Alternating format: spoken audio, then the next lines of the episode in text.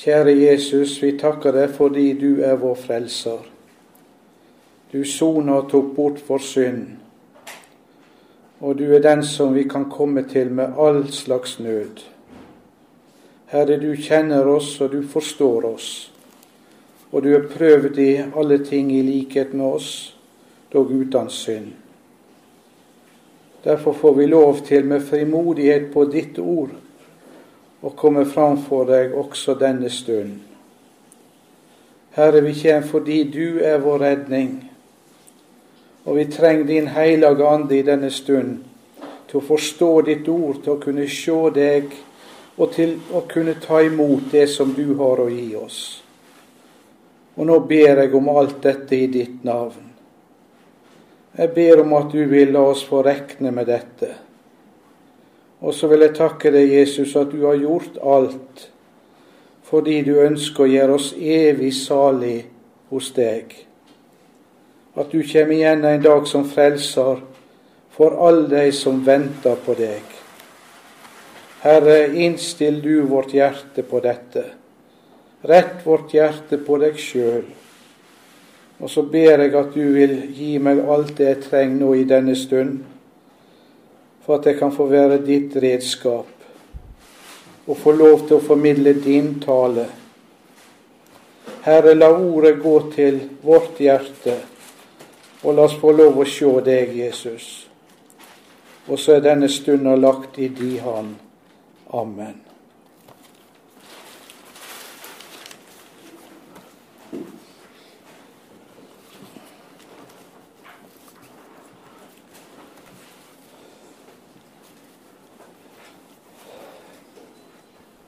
Jeg er ein gjest i verda, min heim i himmelen er, sang vi. Og det er jo en god salme, og det er mange salmer som har nettopp den tonen der. Det er i Salme 119, vers 19 i Det gamle testamentet, vi finner dette ordet. Jeg er en gjest på jorda. Jeg er en gjest på jorda. Salme 119, vers 19. Og jeg hadde lyst til å minne om aller først at det gjelder alle mennesker. Det er ikke bare tale om de truende, men om absolutt hvert eneste menneske som er født inn i denne verden. Han eller hun er en gjest på jorda. Vi veit ikke hvor lenge vi skal ferdes her på jorda noen av oss. Her er noen som er blitt litt gamle, iallfall. Men den som er ganske ung, er i samme stilling, egentlig. Vi er gjester på jorda, og vi veit ikke når det gjestebesøket er slutt. Og Det er det grunn til å tenke over, for det er bare et besøk. Jeg er en gjest på jorda, og hva skal vi da hen når den tida er forbi? Det er det mest alvorlige og det viktigste av alle ting, det.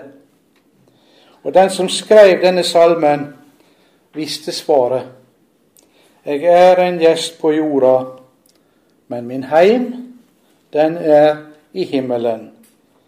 Og så er det som salmeforfatteren vil overlate da til hver enkelt av oss og tenke på det, og så kunne svare for Guds ansikt. Vi kommer snart tilbake til dette. For i vår sjette bibeltime i dag over Filippabrevet er det kapittel 3 og vers 12-21 vi skal stanse for. Og Jeg bruker norsk bibel, nynorsk omsetning fra 1994. Vi leser kapittel 3 fra vers 12 og ut kapittelet.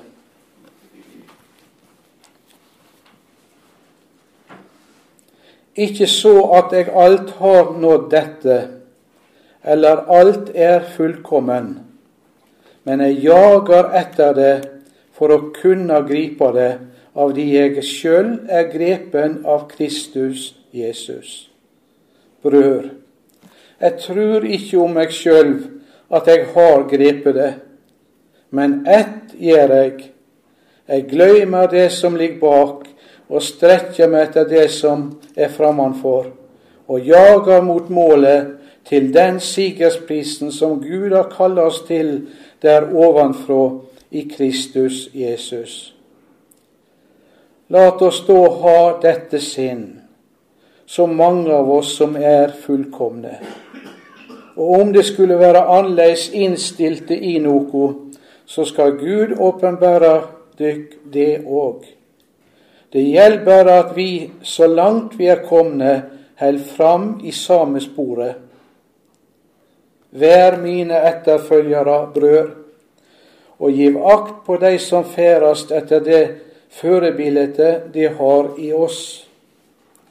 For som jeg ofte har sagt dykk, og nå atter seier med tårer, mange ferdast som fiender av Kristi kross. De endar i fortapinga. Buken er deira Gud, og de set si ære i si skam. De trår berre etter jordiske ting. Men vi har heimlandet vårt i himmelen. Derifra venter vi òg Herren Jesus Kristus som frelser. Han skal omskape fornedringslekamen vår og gjøre han lik herligdomslekamen sin ved den krafta han har til å legge alle ting under seg. Amen.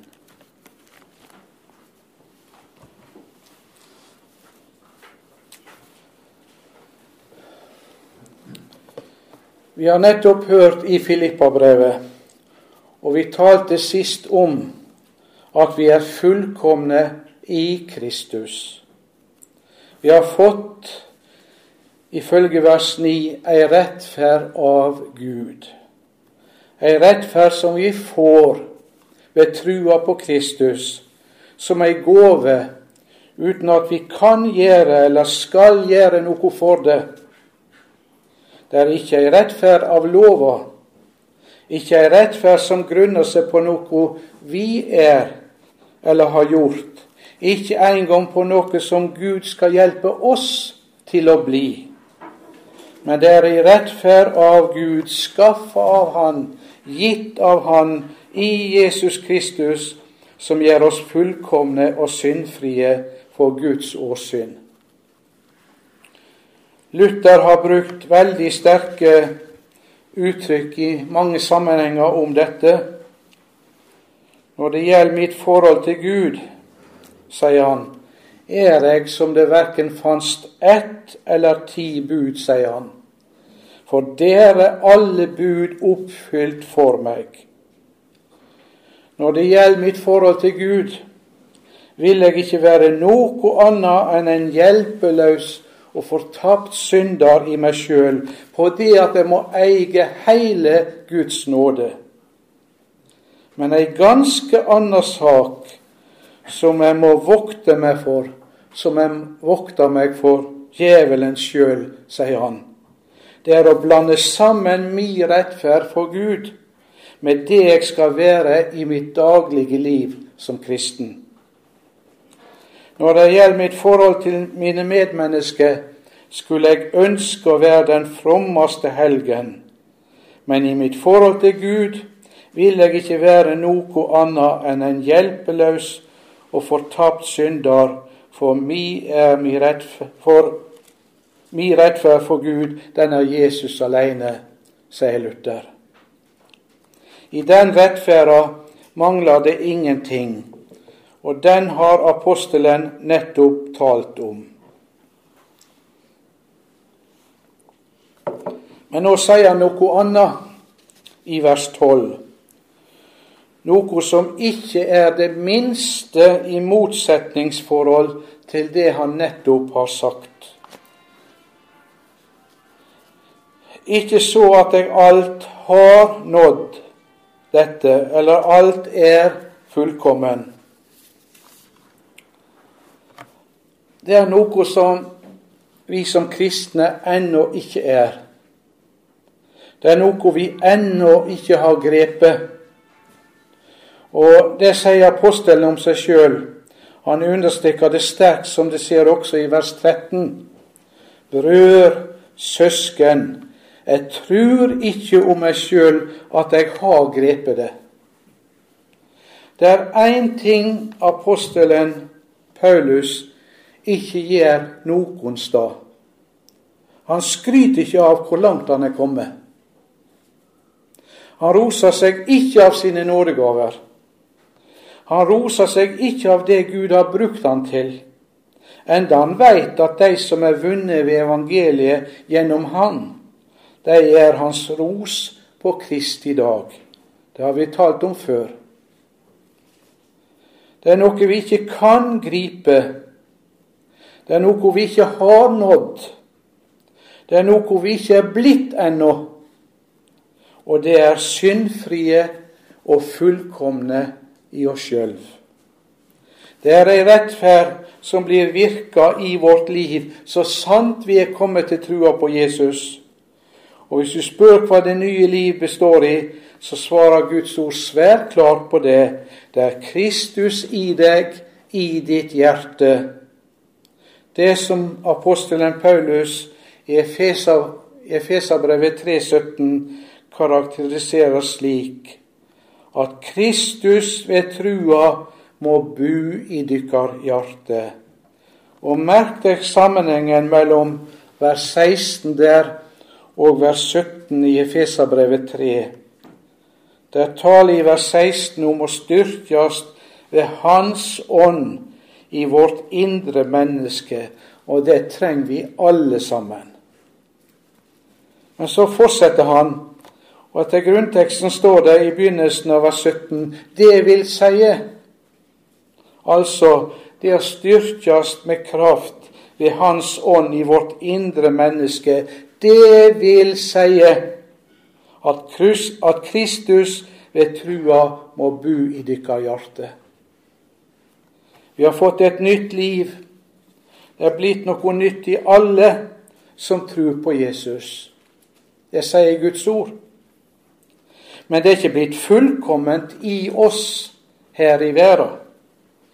Vi har fremdeles det gamle mennesket i oss, som vi har vært inne på flere av disse bibeltimene over Filippa-brevet. Det gamle mennesket, det er ikke syndfritt, nei. Og det er ikke annerledes enn det alltid har vært. Og det som apostelen tenker på, er at det er så mye han ennå ikke har nådd av det som Gud har å gi oss når det gjelder hva vi skal bli, hva vi skal være, og den rettferd som skal virkes i vår person, i vårt liv. Og det er der han sier ikke at jeg allerede har nådd det, eller allerede er fullkommen. Men jeg jager etter det, sier han. Han kan ikke slå seg til ro med at han er som han er. Det er også galt. En kan ikke slå seg til ro med at ja, men vi er jo ikke fullkomne. Jeg jager etter det for å kunne gripe det. Og så kommer det som er viktigst i dette verset. Fordi jeg sjøl er grepen av Kristus Jesus. Og det skjer kun på én måte. Det skjer ved evangeliet. Det ved evangeliet er blitt grepen av Kristus Jesus. Når dette vers 12 blir sitert av og til, og ja, kanskje ofte, så blir det dette siste gjerne sløyfa, fordi jeg sjøl er grepen av Kristus Jesus. Og så er det det som er det viktigste her. Det er farlig å forkorte dette uttrykket, dette ordet. Hvis vi ikke får med det, altså siste delen, så er selve grunnlaget for det ordet sier, borte. Når en siterer det isolert. I meg sjøl så er jeg ufullkommen. Jeg kommer til kort. Det er svært langt fra at jeg er syndfri. Og jeg skulle ønske jeg var svært annerledes enn jeg er. Svært annerledes. Det veit jeg. Men jeg veit også at jeg er grepen av Jesus, tross alt. Og jeg veit også det jeg blir ikke tilfreds med tinga sin tilstand i meg sjøl slik som jeg er. Jeg kan ikke stoppe opp og bli tilfreds med mitt kristenliv, for å si det med et dagligdags uttrykk. Når det gjelder mitt forhold til mine medmennesker, da vil jeg svært gjerne at det skulle vise seg at jeg tror på Jesus. Men det er forskjell på vårt liv. Det er forskjell på vår vandel. Det er forskjell på vår helliggjørelse. Det er forskjell på hvor mye preg Jesus ser på oss som kristne.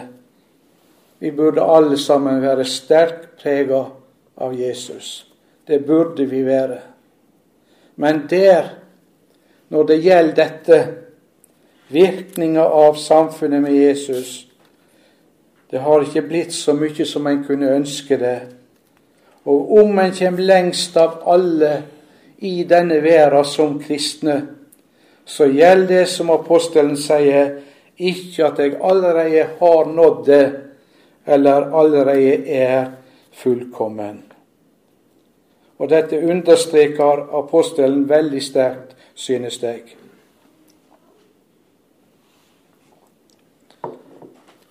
Han gjør klart at hans innstilling er at han må gripe det fordi og ettersom på grunnlag av at han er grepen av Kristus Jesus. Og så understreker han det enda en gang i vers 13. Brød, søsken, jeg trur ikke om meg sjøl at jeg har grepet det, men ett gjør jeg. Du ser det står med to tider.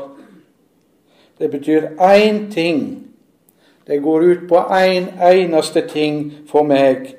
Jeg glemmer det som er bak, og strekker meg ut etter det som ligger framfor, og jager mot målet. Dette kunne omsettes på en litt annen måte. Idet jeg glemmer det som er bak, og strekker meg ut etter det som ligger framfor, jager jeg mot målet. Eller vi kunne si ved å gløyme det som er bak, og strekker meg ut etter det som ligger framfor, jager jeg mot målet. Hva er det som er bak? Det er sjøllivet, det. Det er sjølve sjølvlivet apostelen har i tanken nå. Vi tenker kanskje på fortida, og det er ikke galt heller i denne sammenheng. Jeg glemmer det som er bak, det som har vært før. Men hva er det som har vært før? Hva er det jeg har sett før? Jo, det er hvordan jeg sjøl er det. Det er sjøllivet som er bakom. Og Apostelen gjør noe her som vi blir direkte oppfordra til i Guds ord hos profeten Jesaja i kapittel 43 i vers 18 og utover. Kom ikke i hug de forrige ting, eller kom ikke i hug det som var før. Akt ikke på fortida, sjå, jeg gjør noe nytt, nå skal det spire fram. Og på hebraisk er det så underlig at ordet spire er ett og det samme som Messias, han som skal komme. Navnet Spire, eller Spiren, en av de helt særegne Messias-titlene i Det gamle testamentet. Kom ikke i hug det som var før. Akt ikke på fortida, sjå jeg gjør noe nytt. Nå skal det spire fram. Det gjaldt Israel historisk, og det gjaldt hver enkelt israelitt personlig. Vi vil jo gjerne bygge på fortida, vi mennesker. Vi vil gjerne komme vår store historie i hug. Jeg tenker på vi norske som når vi begynner å snakke om vikingtida, og det skulle være så stort da, da nordmenn røva herja plyndra og myrda og oppført seg som dyr ned gjennom Europa. Det er noe å rose seg av. Det er noe til storhetstid. Nei. I parentes så ingen misforstår. Jeg setter stor pris på historie. Det er ikke noe negativt i å lære historie og kjenne vår historie. Å kjenne vårt folks historie, det er det samme som vårt folks hukommelse. Og vi veit hvor viktig hukommelsen er. Det er fælt å miste den. En veit ikke lenger hvem en er, og hvor en bor. Så verdien av historie skal vi ikke ringakte. Og jeg tenker ofte på det som står i, på døra inngangsdøra til ei av brakkene i Auschwitz 1, det er vel brakke 4. Der jeg, den tida jeg var lærer, så var jeg der flere ganger med elever og foreldre. Og så står det på døra før vi går inn Den som gløymer historia, må leve den om igjen. Så verdien av historie er viktig. Det er ikke det jeg vil til livs nå. Men enten du nå tenker historisk eller du tenker personlig, jeg spør, nå ser jeg det i Guds ords lys. Hva stort har vi å tenke på, vi mennesker? Og så sier en, å, hvis jeg bare ikke var som jeg var. Hvorfor sier du det?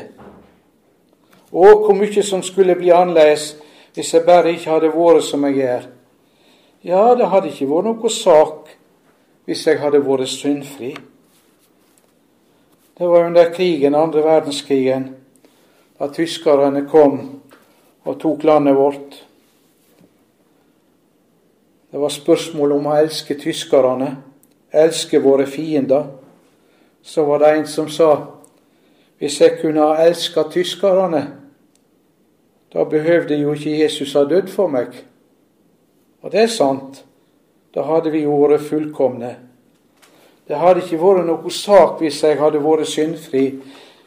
Hvis ikke Adam og Eva hadde fallet i synd, og hvis ikke vi hadde gått i deres spor, og hvis ikke synda fra dem hadde gått igjennom til alle mennesker, og vi hadde vært som vi skulle, ja, da ja. Men da hadde jo, men da hadde jo ikke Guds sønn behøvd å kjøpe oss fri. Guds sønn måtte komme, han. Han måtte kjøpe oss fri fra våre synder med sitt blod. Han kunne ikke bli fritatt. Hvorfor? Fordi du og jeg skulle bli fritatt. Han tok alt vårt på seg, og så sier vi bare nå hadde vært annerledes, bare jeg ikke hadde vært som jeg er, osv. Nå vil jeg be deg merke deg noe skal du oppnå det du jager etter, og skal du virkelig greie å jage mot målet som Gud har sett for oss, så må du glemme det som er bak. Du må akte deg som død for synder. Det er en som har sagt at en kristen har inga fortid, og det er rette i vårt forhold til Gud. En kristen har inga fortid. Du må komme i hug at Jesus har kjøpt deg fri fra deg sjøl. Men du, i din person, er ikke fullkommen. Du har ikke nådd det ennå, og det kan være store og betenkelige synder som henger ved deg i dag. Og du kan falle i ting som du ikke burde falle i som kristen. Det kan du. Da må ikke du si bare jeg ikke hadde vært som jeg er. Nei, jeg gløymer det som er bak, og strekker meg ut etter det som ligger framfor. Og det gjør jeg nettopp fordi jeg har ikke grepet det ennå. Jeg er ikke fullkommen ennå, men jeg jager etter det om jeg òg kan gripe det, fordi jeg er grepen av Jesus. En liten kommentar til det ordet 'jage' i vers 12 og i vers 14. Paulus han sier jo han jager etter det han ikke har oppnådd ennå. Han jager mot målet. Ordet på gresk som er omsatt med 'jage', er det samme ordet som blir brukt i vers 6. At Paulus, før han ble omvendt, forfølgde de kristne for om mulig å rydde dem av veien. Verbet på gresk dioko. Jage etter vilt eller bytte. Forfølge. Drive på flukt. Altså det samme engasjement, den samme nidkjærhet, den samme lidenskapen, den lidenskapen og den fanatisme som Paulus først forfølgde de kristne med, den tar han med seg etter omvendinga ved Damaskus. Men nå har den fått et nytt innhold. Han bruker samme ord, samme verb, men nå er det fylt med nytt, med nytt innhold. Nå jager han mot målet. Ved å gløyme det som er bak, og strekker meg ut etter det som ligger framfor, jager jeg mot målet. Vers 14. Og hva jager jeg mot? Ikke en prestasjon fra min side, men en seierspris som Gud har kalla meg til. Gjennom evangeliet er vi kalla til et bestemt mål som Gud har sett for oss i himmelen, og som altså Skrifta her kaller en seierspris. Vi er kalla til en seierspris i Kristus Jesus. Den er i himmelen, og der venter den på oss. Det er en som har vunnet den prisen og betalt den. Han heter Jesus Kristus. Jeg får den prisen gratis, og likevel koster den meg noe. Men ikke det at jeg skal betale for den, men den koster meg at jeg må være tru imot og jage mot målet. Det er jo idrettsspråk Paulus bruker her. Den som er med i et løp, vet du, han konsentrerer seg om dette ene. Jeg kan ikke la meg avlede. Jeg kan ikke fare snart hit og snart dit. Jeg jager mot det målet Gud har sett for meg. Den dagen jeg har nådd målet hos Han, er jeg syndfri. Den dagen mangler det ikke noe i min person lenger. Den dagen er jeg blitt Han lik, og er som Han sjøl. Og dette er noe å regne med, og dette er noe å se fram til. Og så kommer da vers 15. La oss da, så mange som er fullkomne. Nå har Paulus nettopp sagt at vi ikke er fullkomne, og så sier han plutselig la oss da, så mange som er fullkomne. Vi som ikke er fullkomne, vi som ikke har grepet det, vi er fullkomne i Kristus for Gud likevel. Vi skal aldri gi slipp på det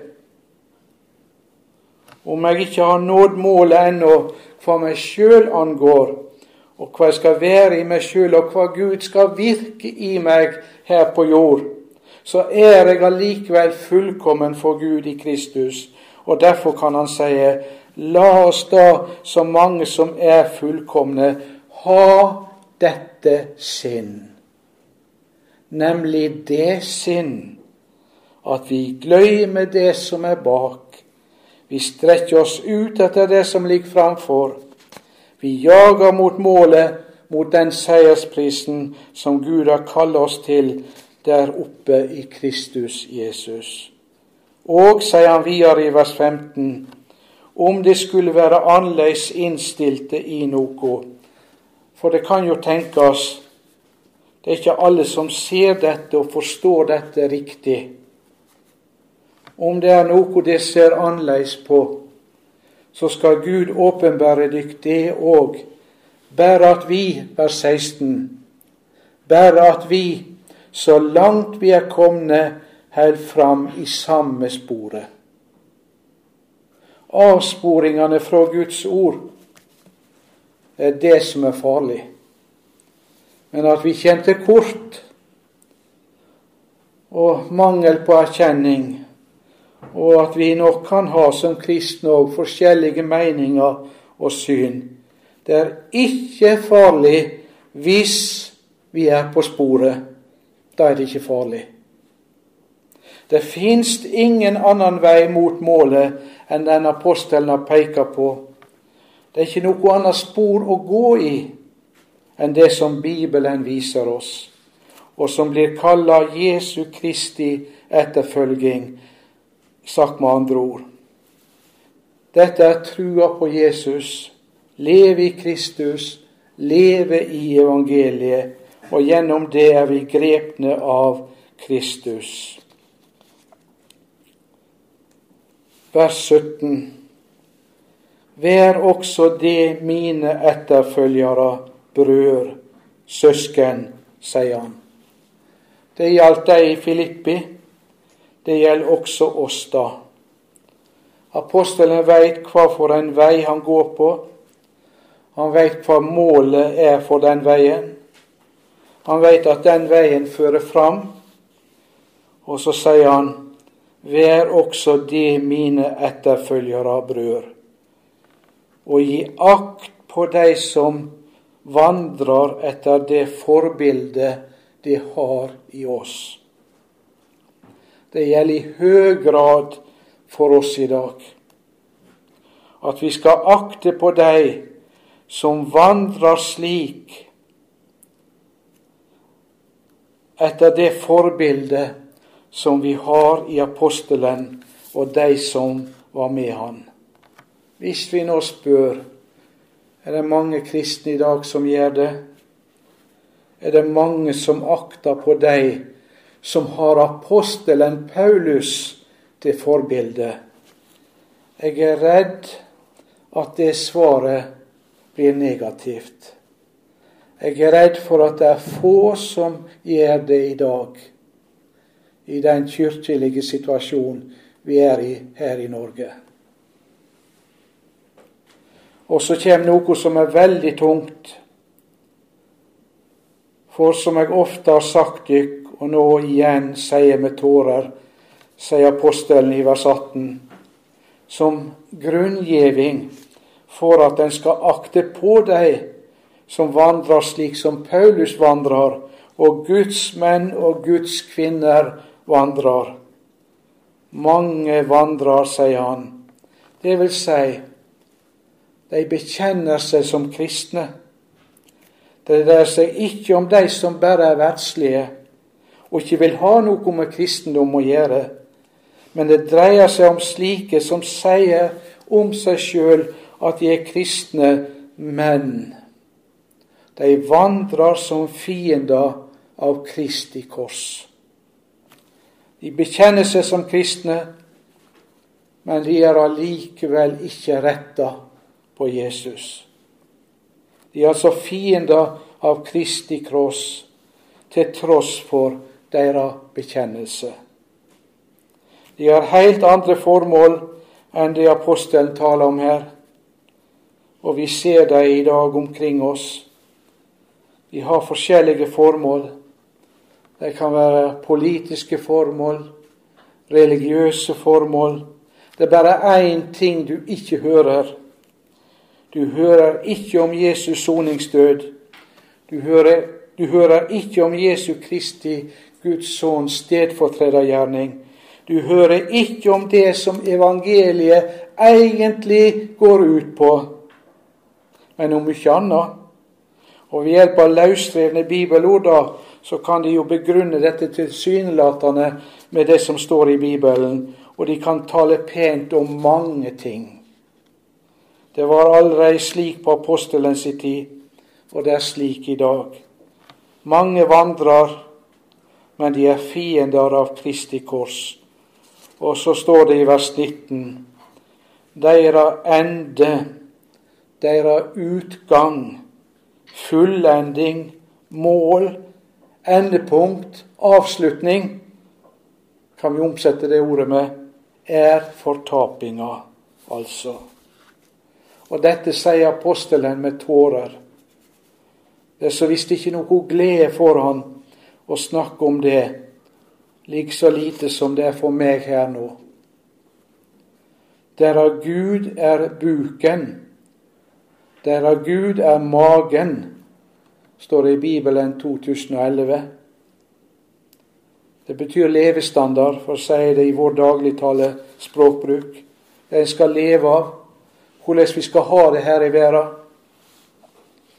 Og som set si ære i sin skam.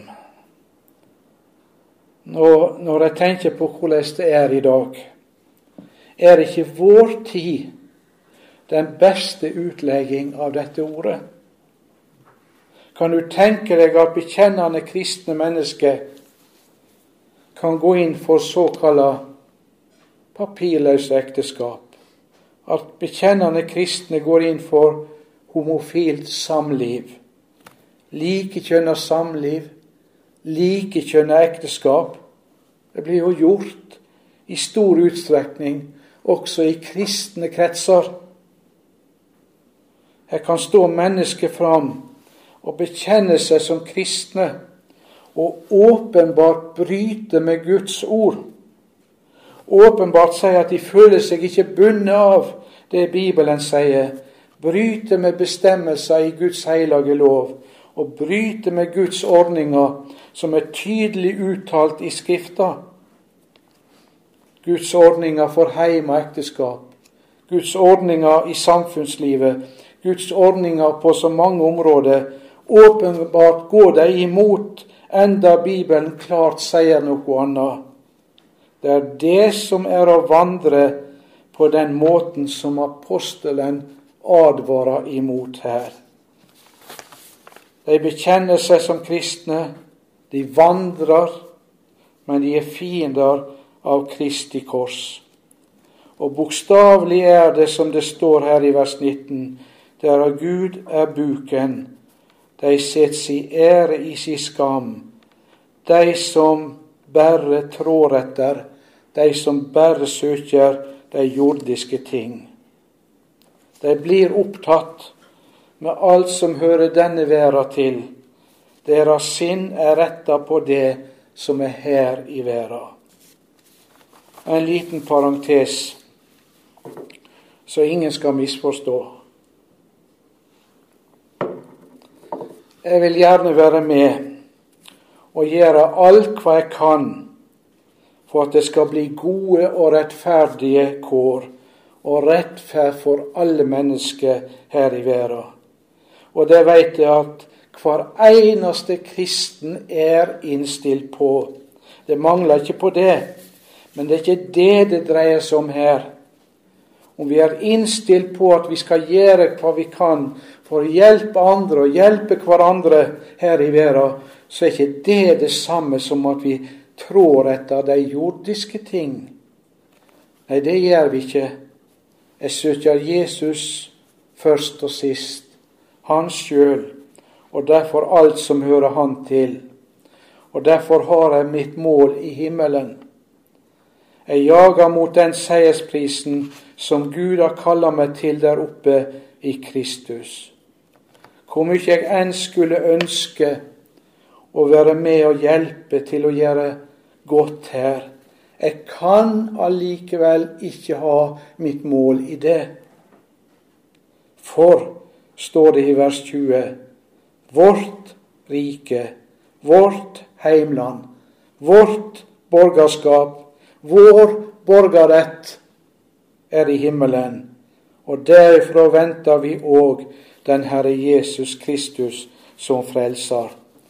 Men før vi nå ser litt mer på vers 20 og 21, så la oss igjen gå litt tilbake til salmen vi sang til å begynne med, og som jeg sa litt om til innledning.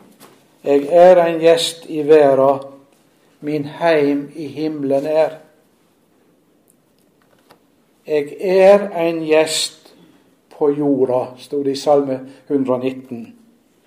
Og med det så skal vi ikke bare tenke på tidsløpet, tidsramma, ei så og så lang tid som en skal leve her på jorda.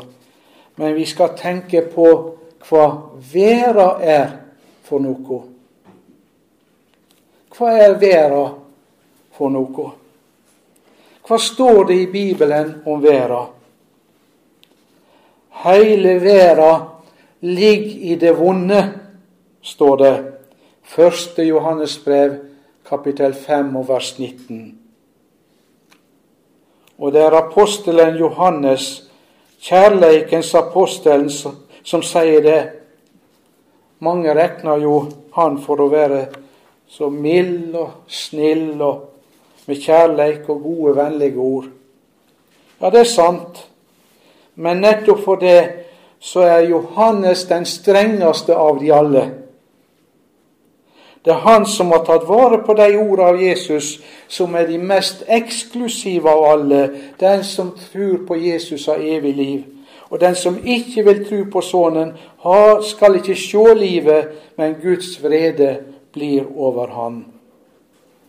Og når en ser utover verda da, hva sier Johannes, kjærleikens apostel? Heile verda ligg i det vonde, sier han. I det vonde. Vi skal ha et kritisk blikk på verden.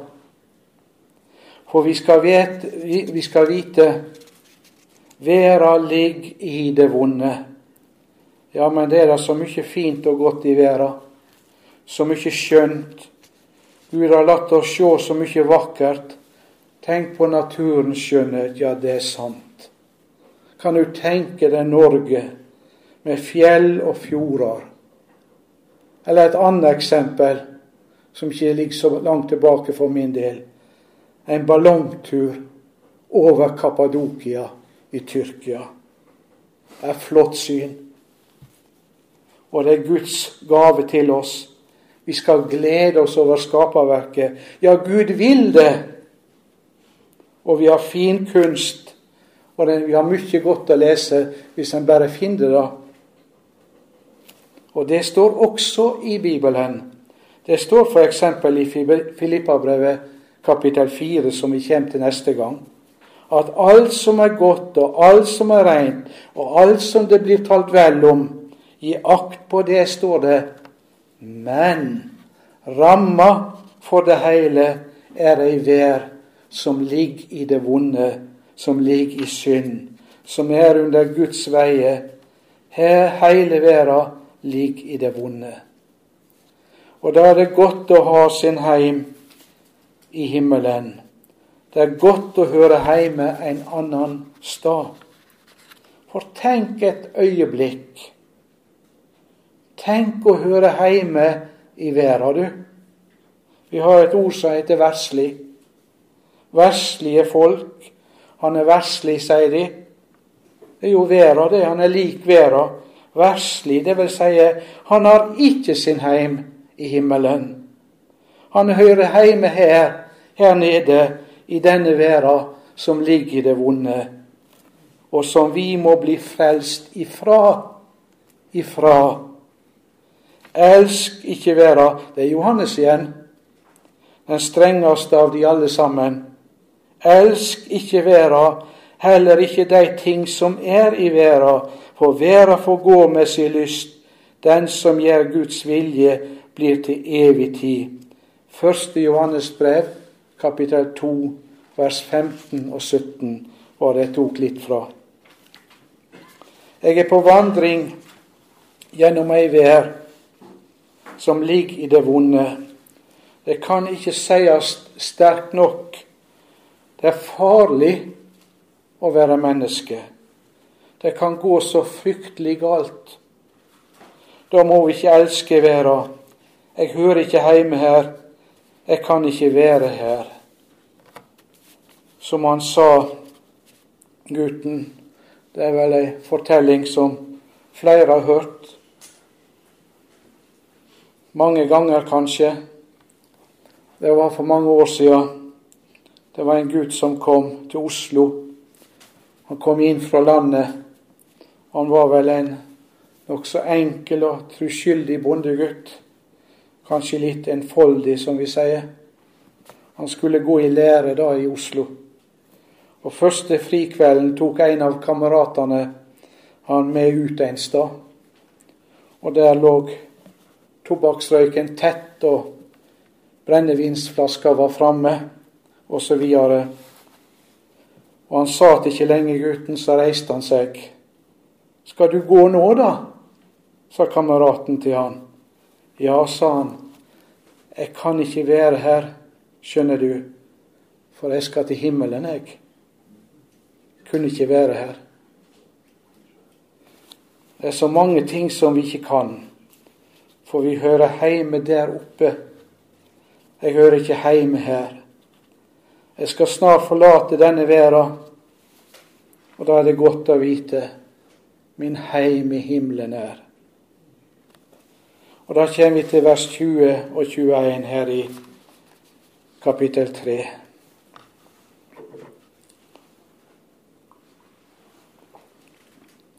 Men vi har heimlandet vårt i himmelen. Bokmål 1930, for vårt rike er i himlene.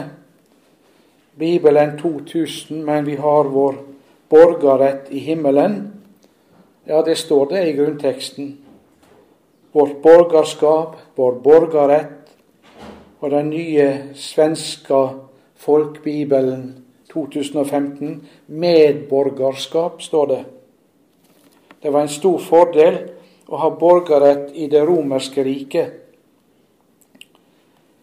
Det var ikke så mange som hadde det. De som hadde det, sto i ei særstilling. Apostelen Paulus han hadde det. Og den romerske borgerretten som han hadde, den påberopte han seg da det var nødvendig. Det var bl.a. det som gjorde at han kom til Roma og fikk forkynne evangeliet der. Men ellers så skal vi merke oss at i grunnteksten står, står ordet 'vårt' eller 'vår' med betoning. Hvis jeg skulle si det ordrett, så står det 'vårt', nemlig, eller 'for vårt borgerskap, vårt heimland, i himlene er'. Det kommer som ei forklaring eller av det som er sagt rett før, eller ei grunngiving. Vårt, nemlig, eller for vårt borgerskap, heimland, vår borgerrett, den er i himmelen. Dette er skrevet til forsamlinga i Filippi. Og Filippi var det som de den gangen kalla en koloni. Og det betydde noe annet den gangen enn det betyr nå. I Filippi der bodde det en koloni av sånne som hadde gjort tjeneste i keiserens hær, men nå var de pensjonert. Det var offiserer og mannskap som hadde vært med å krige for keiseren. Det var flere sånne kolonier rundt omkring, og Filippi var en sånn stad. Så bodde de i Filippi, men heimlandet var i Rom. De hørte til der, og det var de stolte av å vite.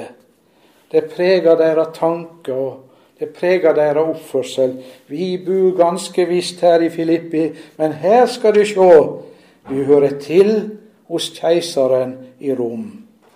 Og det gav de trygghet og visshet og mange fordeler, også skatteprivilegier. Og så, og så skriver apostelen Paulus til de truende i Filippi, og der de fleste ikke hadde romersk borgerrett. Vårt heimland, vår borgerrett, er i himmelen. Det er mye større. Det var fint å ha en heim i Rom, og egentlig hører keiseren til. Men hva er det imot å bo her på jorda som en gjest, og så ha et heimland i himmelen.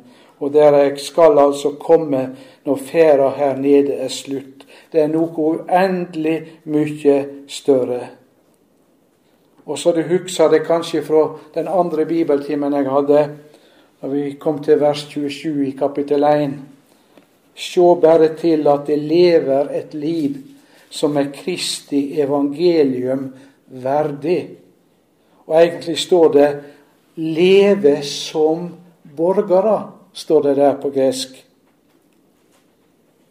Som jeg sa, det var ikke alle av de kristne i Filippi som hadde romersk borgerrett. Det var vel bare et lite fåtall. Men som apostelen sier, vi har heimlandet vårt i himmelen. Den borgerretten hadde alle de kristne i Filippi. Og så sier Paulus, lev da som slike borgere. Lev da et, et liv som er Kristi evangelium verdig, er det omsatt. Lev da som slike borgere. Så apostelen bruker altså dette med borgerskap og borgerrett som et bilde her. Vi hører hjemme i himmelen, vi som tror på Jesus. Vi lever her i verden, vi lever sammen med andre mennesker, men vi hører ikke til her i verden. Vårt rike er i himmelen. Og dette riket er allerede kommet inn i våre hjerter ved trua på Jesus. Guds rike kommer ikke på den måten, sier Jesus, at en kan se det med sine øyne. Det står i Lukas 17, vers 20 og 21. En kan ikke si 'se her' og 'se der er Guds rike', for Guds rike er inni dykk. Det betyr at ved trua på Jesus eier vi det. Ved trua på Jesus får vi et nytt liv, et nytt sinn. Det er fra himmelen dette nye livet. Og det Jerusalem som er der oppe, det er vår mor, sier apostelen i Galaterbrevet. Derfor hører vi til der oppe. Vårt rike er ikke her på jorda, det er i himmelen. Og derifra venter vi òg den Herre Jesus Kristus som frelser. Jesus kommer altså igjen. Jesus har fullført soning for våre synder. Det skal ikke bli gjentatt, for der mangler det ingenting. Den sier vi Jesu frelsergjerning er fullført. Likevel så er det ting som ikke er fullført ennå. Og det er det ordet nå sikter til. Jesus kommer igjen, og han kommer igjen for å fullføre sitt verk fullføre det både som dommer og som frelser. Her er det understreka vi venter Jesus Kristus fra himmelen som frelser. Når Jesus kommer igjen, skal han opprette Guds fullkomne rike. Vi vet fra Matteusevangeliet kapittel 19 og vers 28 at det kommer til å bli ei gjenføding av himmel og jord. I gjenfødinga, sier Jesus, når menneskesonen kommer, da skal de tolv apostlene sitte på tolv troner og dømme Israels tolv stammer. Den gjenføding, den gjenfødinga er ei gjenføding av universet, av himmel og jord. Både himmel og jord kommer til å få gå i den skikkelse det har nå, og som vi ser det nå. Og det kommer til å brenne opp, sier Guds ord. 2. Peters brev 3.10.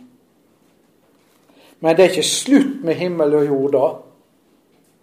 Det gjenoppstår i en ny skikkelse, i en gjenfødt skikkelse, i en fullkommen skikkelse, der det ikke lenger er merke etter menneskers synd. Det som er blitt ødelagt i naturliv pga. menneskers synd, det er borte. Skaperverket er skjønt nå, som jeg prøvde å antyde, slik som vi ser det. Tenk deg hvordan det kommer til å bli. det blir som det var skapt til å være fra begynnelsen av. Og da skal himmel og jord være naturgrunnlag for det fullkomne Guds rike. I dette riket hører vi hjemme. Og nå skal du merke deg at vi tilhører dette fullkomne Guds rike allerede her og nå. Riket er ikke kommet ennå, men vi tilhører dette riket her og nå ved trua på Jesus. Kan jeg tilhøre dette riket slik som jeg er, spør du kanskje. Ja, du er ikke kvitt det vonde som bor i deg. Det kjenner og føler du. Og det er ikke Guds mening at du ikke skal føle det. Du kan ikke unngå å føle ditt gamle menneske. Det har Gud aldri lovt oss. Men det er én ting du skal vite. Du er frelst fra det som du føler. Og du kan ikke kjenne og føle Guds rike i deg, men du eier det i trua på Jesus. Av og til får du føle Herrens never. Glimtvis får vi se litt av det på en egen måte. Av og til skjønner vi jo, Jesus er ikke langt borte fra oss, men det blir ofte korte stunder. Og hvis vi skulle føle for mye av den glede og den fred ville det ikke gå bra for oss. Det ville være en stor fare for at vi kom til å bygge på det i stedet for å regne med Jesus og Hans ord. For vi vandrer nemlig i tru, sier Guds ord. Vi ser ikke det vi er frelst til. Og det er det også tale om i Romabrevet, f.eks. Romabrevet 8, vers 24 og 25. For i håpet Slå gjerne opp til kapittel 8, vers 24 og 25. For i håpet er vi frelst. Men et håp som vi kan sjå, er ikke noe håp. Hvorfor skulle en håpe det som en alt ser? Men dersom vi håper det vi ikke ser, da lengter vi etter det med tålmod. I håpet er vi frelst. Hva betyr det? Ja, Det betyr akkurat det det står. Det betyr at i håpet har vi allerede, allerede nådd målet. Det er så sikkert at vi kommer til å nå det, at det blir omtalt i Romerbrevet 8 som om vi allerede hadde nådd det. Og se, også nå når du er i Romerbrevet 8, vers 29 og vers 30. Jeg skal ikke lese det, men du kan se på det, vers 29 og vers 30. Det er noe framtidig. Vi er ikke herliggjort ennå. Men merk det at det blir omtalt i fortid som om det er skjedd. Som om vi allerede hadde opplevd det. Og det er den høyeste grad av visshet når en framtidig ting blir omtalt i fortid. Vi kommer til å nå det riket i himmelen som vi tilhører. Derifra venter vi òg Jesus som frelser. Vi skal være oss målbevisst. Det er der vi hører hjemme. Jeg skal ikke ha min heim her i verden. Og det har ikke noe å si om det ikke går så godt for meg her i verden. Det er ikke noe ulykke om jeg aldri blir lykkelig menneskelig sett her i verden. Det er noen mennesker som aldri får si helse, f.eks.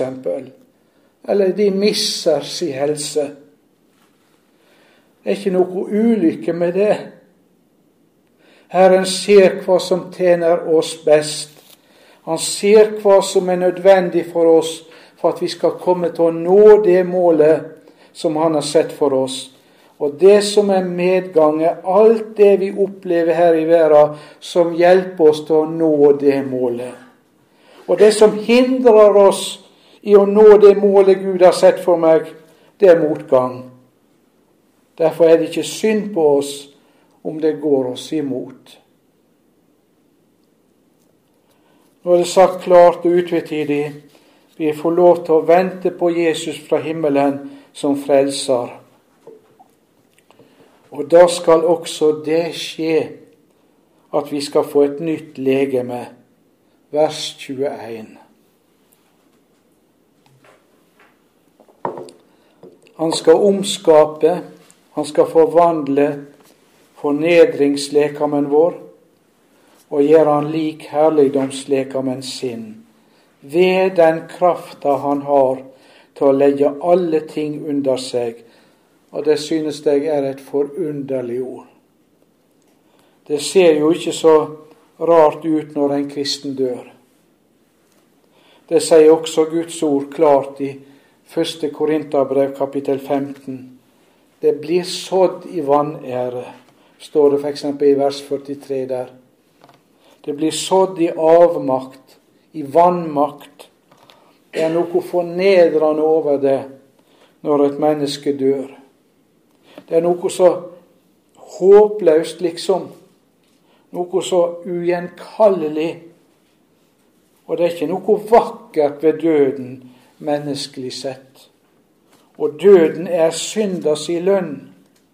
Det sier Guds ord, og det kan vi ikke komme vekk fra.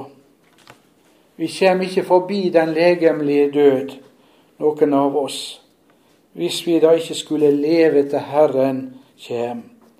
Den kristne generasjon som er i live ved Herrens komme, de blir overkledte nye legeme uten å gå gjennom døden. Men ellers må en kristen gjennom den. Og den er ikke noe herlig syn, nei. Det er den ikke. Og det legger ikke Guds ord skjul på. Likevel er døden Herrens tjener for den som tror på Jesus. Døden er den mektigste hjelp, den største tjener vi får fra Herren. Kan du tenke deg at denne synda si lønn, døden, den har Gud, den har Herren gjort til det mest verdifulle av alt for en kristen. For når jeg let att mine øyne her, så er det første jeg får se, det er den Herre Jesus sjøl. Tenker vi på det, og regner vi med det, vår kropp, dette legemet, det går tilbake til sine opprinnelige bestanddeler, sier Guds ord. Av jord er du kommet, til jord skal du bli, men av jorda skal du igjen oppstå. Og nå står det her, og det går også fram av 1. Korinterbrev kapittel 15, at det legeme som vi har hatt her på jorda, det skal oppstå igjen. I fullkommen skikkelse, i herliggjort skikkelse.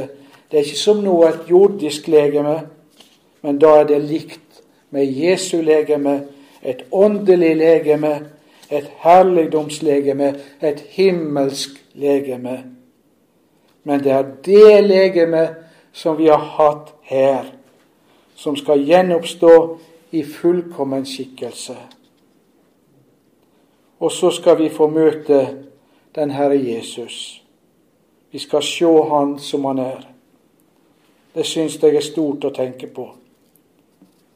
Og så vil jeg be deg merke det som står merke deg det som står i Johannes 17, vers 24. Det er Jesu ypperste prestelige bønn. Johannes 17, 24. Jesus sier til sin far i himmelen, Far, jeg vil. Og der er det brukt et sterkt uttrykk på gresk. Vi kunne godt omsette det jeg forlanger. Far, jeg vil at de som du har gitt meg, skal være hos meg der jeg er, for at de kan se min herligdom som du har gitt meg, fordi du har elska meg før verden ble grunnlagd. Det er målet for oss. Det er dette Jesu frelsergjerning går ut på. Og det er ikke ofte du hører det i Jesu munn. Jeg vil, Jeg forlanger, jeg krever. Men her sier han det om de som tror på Han. Jeg vil at de som du har gitt meg, de skal være hos meg. Og hver den som har dette håp til Han, står det i Johannes sitt første brev i begynnelsen av kapittel 3. Hver den som har dette håp til Han, han renser seg sjøl liksom han er rein. Det å sette sitt håp til dette, det har ei underlig, underlig rensende kraft på oss. Og det er et mektig middel mot djevelen og all hans innflytelse når vi regner med Jesus og venter på han fra himmelen som vår frelser. Melankton, Luthers nære medarbeider, da han var død, så fant de at han hadde satt opp ei liste. Den lå på skrivebordet hans. Og så sto det 'grunner til at jeg ikke skal være redd for døden'. Grunner til at jeg ikke skal frykte for døden. Og så hadde han satt en loddrett strek på arket. Og så var det negative grunner det han skulle slippe unna. Og så var det positive grunner, det som han skulle få se fram mot. Og på den negative sida, der skrev han aller øverst Jeg skal bli fri for teologene sin evinnelige kjeftamentering. Altså alle slags stridigheter, diskusjoner og raseri. Ja, det gledde han seg til å komme til himmelen og bli fri, fri det der. Men på den positive sida så sto det bare én ting. Jeg skal skue Gud. Jeg skal skue Gud, og jeg skal fatte hemmeligheten med Kristi person, Gud og mann. I den gamle fromhet i middelalderen det var selve uttrykket for hva saligheten er det. Det var det å skue Gud. Så la oss da i Jesu navn vente på Han fra himmelen som vår frelser. Ære være Faderen og Sønnen og Den hellige Ande, som var og er og være skal, en sann Gud, fra evig og til evig. Amen.